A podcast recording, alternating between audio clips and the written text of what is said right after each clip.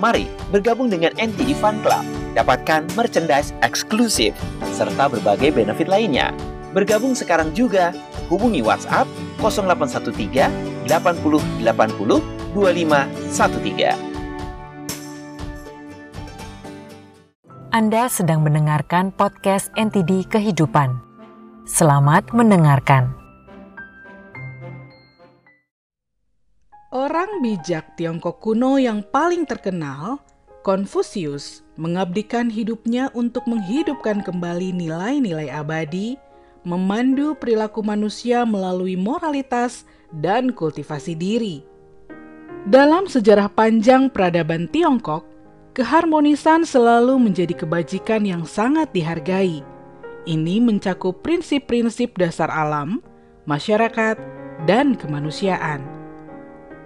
Sang bijak menjelaskan bahwa air mewujudkan keutamaan kesederhanaan karena bermanfaat bagi semua hal tanpa bersaing. Menjadi lunak dan lemah, air tidak melawan apa pun dan menyesuaikan diri dengan segalanya. Mengalir rendah dan tidak mengejar ketinggian. Air menjinakkan semua biji-bijian dan tanaman dengan sifat tunduknya.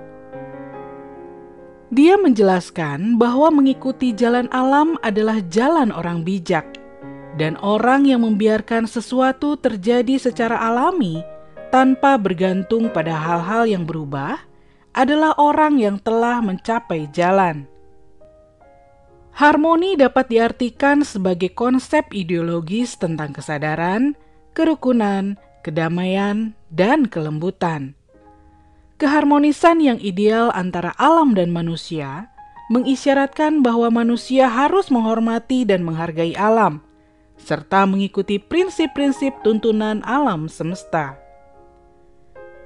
Kesopanan adalah norma sosial yang harus mengutamakan harmoni.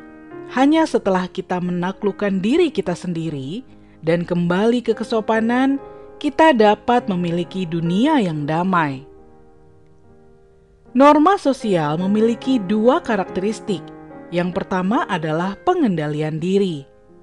Pengendalian diri sangat penting, sehingga ini adalah sesuatu yang dapat kita lakukan dalam hal kesopanan.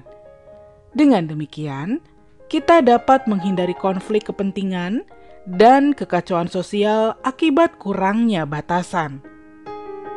Karakteristik kedua adalah harmoni, yang merupakan elemen inti dari kesopanan. Kesopanan adalah manifestasi dari keharmonisan. Itu sesuai dengan prinsip moralitas dan keadilan. Harmoni tapi berbeda adalah mengejar keseimbangan batin, bukan kesepakatan di permukaan. Itu mengakui perbedaan dan keragaman di antara segala sesuatu.